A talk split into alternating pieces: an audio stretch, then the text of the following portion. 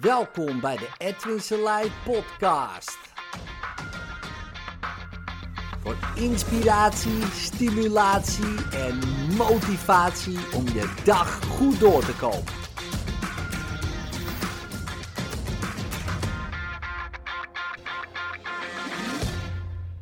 Vier Marokkanen en eh, twee dierbare vriendinnen. Ik, eh, eh, het, eh, ik zag het fotootje. Hè, je hebt het misschien wel gezien of gehoord. Thierry Baudet die zit in de trein. Het, het is net een begin van een mop. En ziet vier Marokkanen twee meisjes lastig vallen. Althans, dat is zijn beschrijving. Twee dierbare vriendinnen worden lastig gevallen, geïntimideerd door vier Marokkanen. Nou, wat bleek? Twee meiden in de trein. Eh, daarvan wordt hun plaatsbewijs gecontroleerd, wat nog omgeroepen werd in de trein. en dan denk ik, oké, nou oké, je maakt een vergissing. Blijkbaar zat je te, te swipen op Tinder en had je niet door eh, dat, ehm, dat er werd omgeroepen in de trein dat er vier controleurs kwamen. Je kijkt op van je Tinder, je ziet daar vier Marokkanen eh, die vragen om een plaatsbewijs.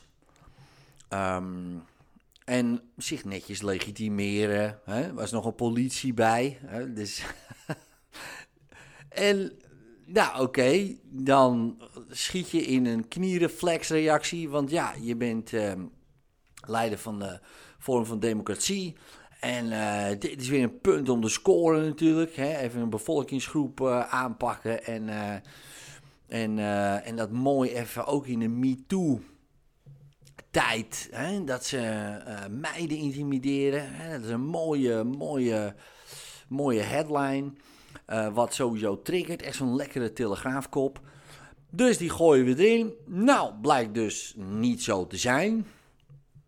En denk je, nou, de man komt met een excuus. Nee, die gaat eigenlijk gewoon nog eens dunnetjes uitleggen waarom hij dat toch wel vindt. Dat vind ik fascinerend. En dan denk ik, waarom? Dat zat ik over na te denken. Denk ik, waarom ehm, doe je dat niet? Nou, één ding. Een goede leider. En ik zal niet zeggen dat het een goede leider is, hè, maar laten we zeggen, een goede leider is consistent. Die ehm, zegt wat hij doet en doet wat hij zegt. En eh Wilders is ook zo iemand. Ja, die neemt ook, doet ook geen excuses. Die, eh, die doet dat gewoon niet. Die zegt dat. Die blijft bij zijn standpunt. Nou, daar kan je wat van vinden. Eh, maar het is wel consistent aan het standpunt. Hij, hij, draait, hij draait niet, zeg maar. En dat vinden mensen prettig. Ja, op de een of andere manier. Hè. Consistentie is een van de beïnvloedingsprincipes, ook die Cialdini uitlegt in zijn, in zijn boek eh, Invloed. Consistentie is daar een hele belangrijke in.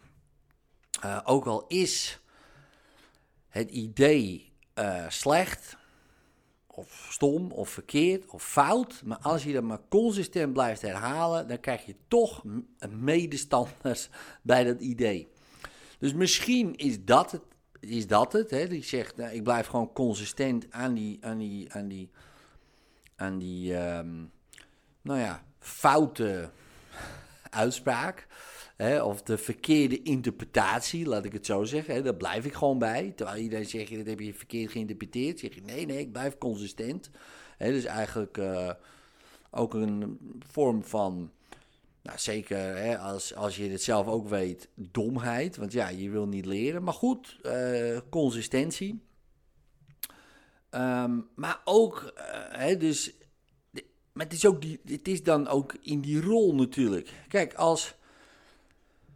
ehm, misschien is hij in het dagelijks leven.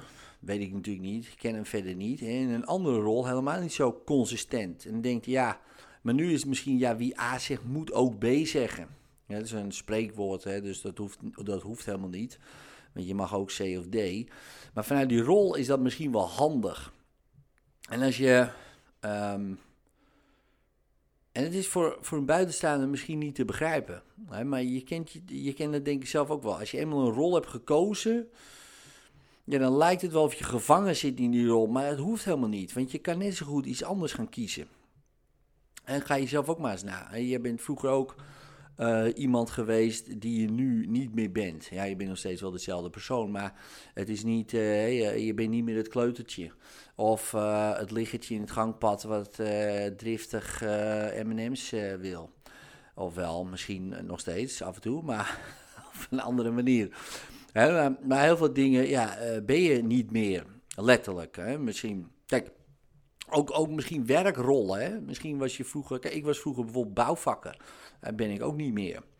nu ben ik uh, ook uh, onder andere hypnotiseur, maar zelfs meer nog nu eigenlijk meer nog inspirator geworden voor veel mensen. Ja, dus nou, dat was ik vroeger zeker niet. Alhoewel, uh, misschien voor één of twee mensen, hooguit, als ik de geest kreeg op Hellraiser. Maar verder, um, verder eigenlijk niet.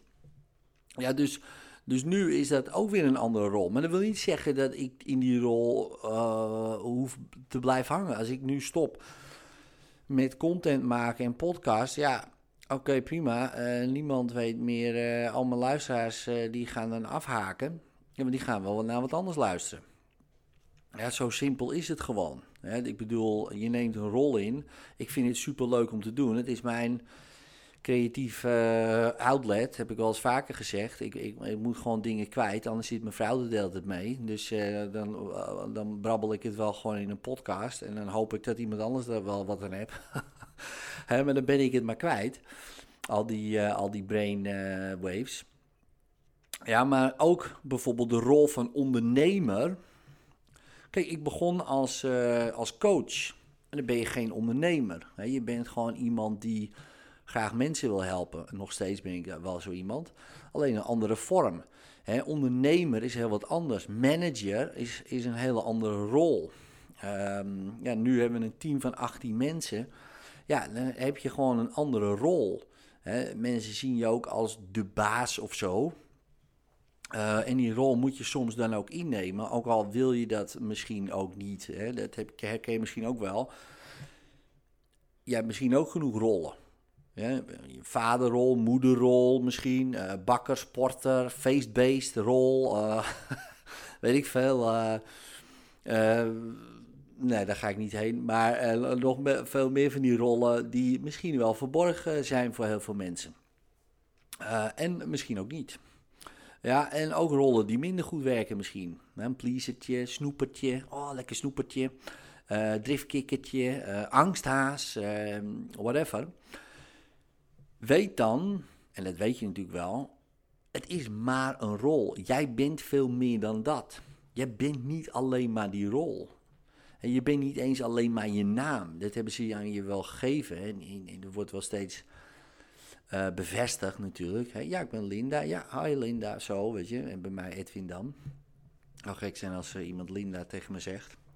Maar, um, maar daar hoort ook een hele grote hypnose bij dus uh, jij gelooft wat over je eigen naam. Jij gelooft wat over je eigen persoon.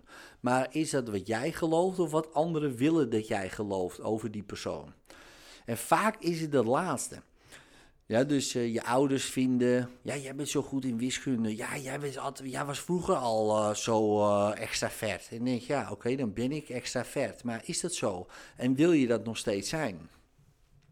Nou, soms wel. Hè, dat je denkt, ja, tuurlijk, maar ja, nou, nu maar niet meer, weet je wel. En wat betekent het überhaupt, maar um, voor jou dan? Ja, dus het is soms goed om te kijken van, oké, is deze rol nog wel passend in dit toneelstuk wat ik nu aan het spelen ben? En een toneelstuk uh, even in de zin van, uh, ja, ik uh, heb nu een gezin bijvoorbeeld, dat is een andere context past de rol van uh, driftkikker daarin? Of uh, pleasertje? Of of face-based? Nee, eigenlijk niet. Oké, eh, maar welke rol past daar beter in die context? En wil ik die andere rollen nog wel gaan uitvoeren? Weet je het is interessant om over na te denken, want het kan soms echt uh, je gevangen. Uh, het kan een gevangenis worden. kijk, een sporter gaat sporten, dat hoort bij die rol. Maar ja, als jij natuurlijk eh, een rol hebt van uh, pleasertje en je moet iedereen maar gewoon pleasen, ja, dat is dan niet handig. Dus ja, hoe kan je daarin switchen in die rollen? Nou, je kan als eerste bedenken welke rol wil ik. stel je voor, ik wil een vader. dus ik, ik, ik, mijn zoon werd geboren en opeens was ik vader. Ja, biologisch uh, gezien. Maar ja, was ik een vader? En wat betekent dat dan? Ik had geen idee. Ja, dus je hebt wel een kind. Dus dan kan je zeggen, ja, jij bent vader. Maar wat houdt dat dan in? Wat is nou precies een vader? Nou, dat is voor jou heel anders dan uh, voor mij. Maar dan ga je alweer. Hè, wat betekent dat dan? Dus dan ga je erover nadenken. Een vader is iemand die... Nou, en dan ga je wat dingen invullen. Die tijd doorbrengt met zijn kinderen. Die uh, er altijd voor ze is. Die, uh, nou, en dan heb je allemaal van die abstracte dingen. En wat betekent dat dan? Nou, en op een gegeven moment heb je een soort ideaalbeeld van die man, hè, of als de moeder, vrouw. Jouw ideaalbeeld, hè? niet per se uh, van anderen. Want ook dat is goed om te onderzoeken. En daar stap je dan als het ware in. En dat klinkt gek, maar eigenlijk maak je gewoon een beeld van, van die, dat ideaalbeeld. We doen dat in diepe hypnose, werkt het nog beter, maar je zou het nu al gewoon zo kunnen doen. En je stapt letterlijk in dat beeld. En dan zie je wat je ziet, hoor je wat je hoort, voel je wat je voelt. En hoe vaker je dat doet, hoe meer die rol uh, van jou wordt. Ja, en er zijn nog veel meer van die, dat soort technieken te bedenken. Dus, uh, we geven ook wel eens een uh, tweedaagse identity change masterclass. Nou, dan gaan we dat in twee dagen doen. En er zitten heel veel heel veel details bij die handig zijn om te doen. Hè, zodat het niet gaat schuren met andere rollen. Maar, maar dit is de meest korte variant waar je misschien wel wat aan hebt. Dat je gewoon in je ideaalbeeld stapt. Dat je denkt, ja, nu ben ik zo. En dat is ook training. Hè? Het is niet zo van, oké, het is zo. zo werkt dat natuurlijk niet. Want vanuit die rol moet je natuurlijk die dingen gaan doen die bij die rol passen. Om die rol weer te verifiëren. Kijk, als iemand tegen jou vroeger had gezegd, ja, jij bent Linda of zo, of in mijn geval, jij bent Edwin. Ja, leuk, maar wat houdt dat dan in dan? Ik heb geen idee. Maar omdat het zo vaak wordt herhaald, ben ik dat gaan geloven, dat ik Edwin heet. Het staat ook in mijn paspoort, het staat overal, dus het wordt ook steeds geverifieerd. Ja, en bij Edwin horen bepaalde ideeën. Uh, en denkwijzes en, uh, en mensen vinden wat van mij. En nou goed, dat neem je allemaal mee in je jonge leventje. Dus dat is gigantisch erin getraind dus dat moet jij dan ook gaan doen. Ja, en dan kan je, en het kan, dat gaat automatisch natuurlijk wel, hè, bijvoorbeeld met vader en moeder, hopelijk. Hè, maar, maar je kan dat zelf initiëren. En sneller doen. Dat zeg ik ook wel eens tegen mensen, ja, als je sneller wil, piano wil leren spelen, word dan eerst een pianist. Ja, want een pianist, die leert sneller piano spelen als uh, misschien buurman Harry, uh, die amuzikaal is. ja, dus dan, dan denk je, ja, ik, ik bedoel, je kan beter dan Wibi Suryadi eh, stappen. die slaapt lekker onder zijn vleugel en je pakt een Mickey Mouse pop naast je en die gaat lekker spelen. Dan kan je het nog steeds niet, hè, als je nog nooit piano hebt gespeeld. Maar je hebt wel het idee dat je het wel kan. En dan leer je gewoon sneller.